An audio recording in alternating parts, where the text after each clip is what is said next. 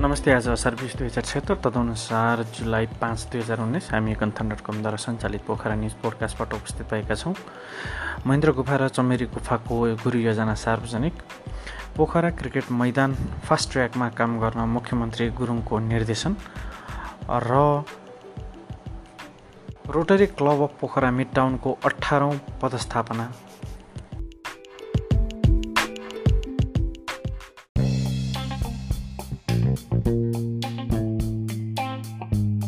पोखराका महेन्द्र गुफा र चमेरे गुफाको वृहत विकास गर्ने उद्देश्यले निर्माण भएको गुरु योजना सार्वजनिक गरिएको छ।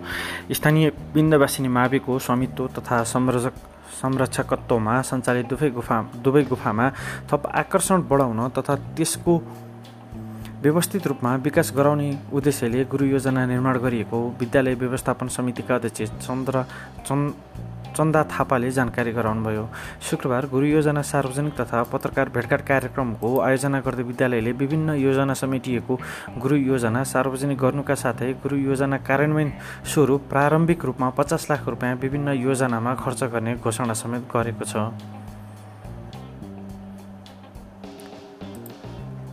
यता रोटरी क्लब अफ पोखरा मिडटाउनको अठारौँ पदस्थापना कार्यक्रम बुधबार सम्पन्न भयो।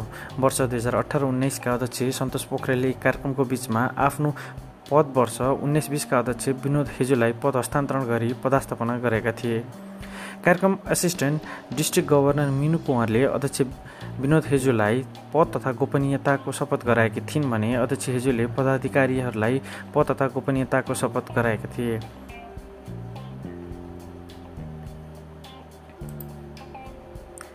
गण्डकी प्रदेश सरकारले आर्थिक वर्ष दुई हजार छयत्तर सतहत्तरमा पोखराको क्रिकेट मैदानको पूर्वाधार निर्माण गर्न दुई करोड विनियोजन गरेपछि सरकारले काम अघि बढाउन चासो देखाएको छ। पोखरा प्रिमियर लिगको दोस्रो संस्करणको तयारी तथा तेह्रौँ दक्षिण एसियाली खेलकुद सागमा समेत क्रिकेट पोखरामा गर्न सकिने बारेको अध्ययनका लागि पोखरा आएका नेपाली राष्ट्रिय टोलीका कप्तान पारस खड्का उपकप्तान ज्ञानेन्द्र मल्ल सहितको टोलीले बिहिबार मुख्यमन्त्री गुरुङसँगको भेटपछि मुख्यमन्त्री गुरुङसहितको टोलीले क्रिकेट मैदानको निरीक्षण गरेको हो। पोखरा रङ्गशाला स्थित क्रिकेट मैदानको निरीक्षणका क्रममा गण्डकी प्रदेशका मुख्यमन्त्री पृथ्वी सुब्बा गुरुङ भौतिक प्रदेश भौतिक तथा योजना मन्त्री रामशरण बस्नेत नेपाल क्रिकेट सङ्घका पूर्व अध्यक्ष तथा प्रदेश सभासद सांसद दीपक कोइराला राष्ट्रिय खेलकुद परिषदका सदस्य राजेश गुरुङ लगायत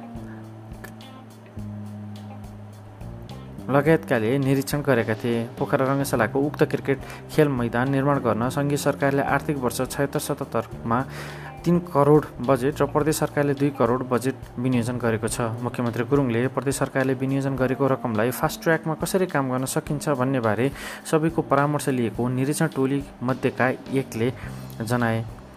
उनले भने मिलेसम्म तेह्रौँ सागमा क्रिकेट पोखरामा नै आयोजना गर्ने भन्ने छलफल भएको छ।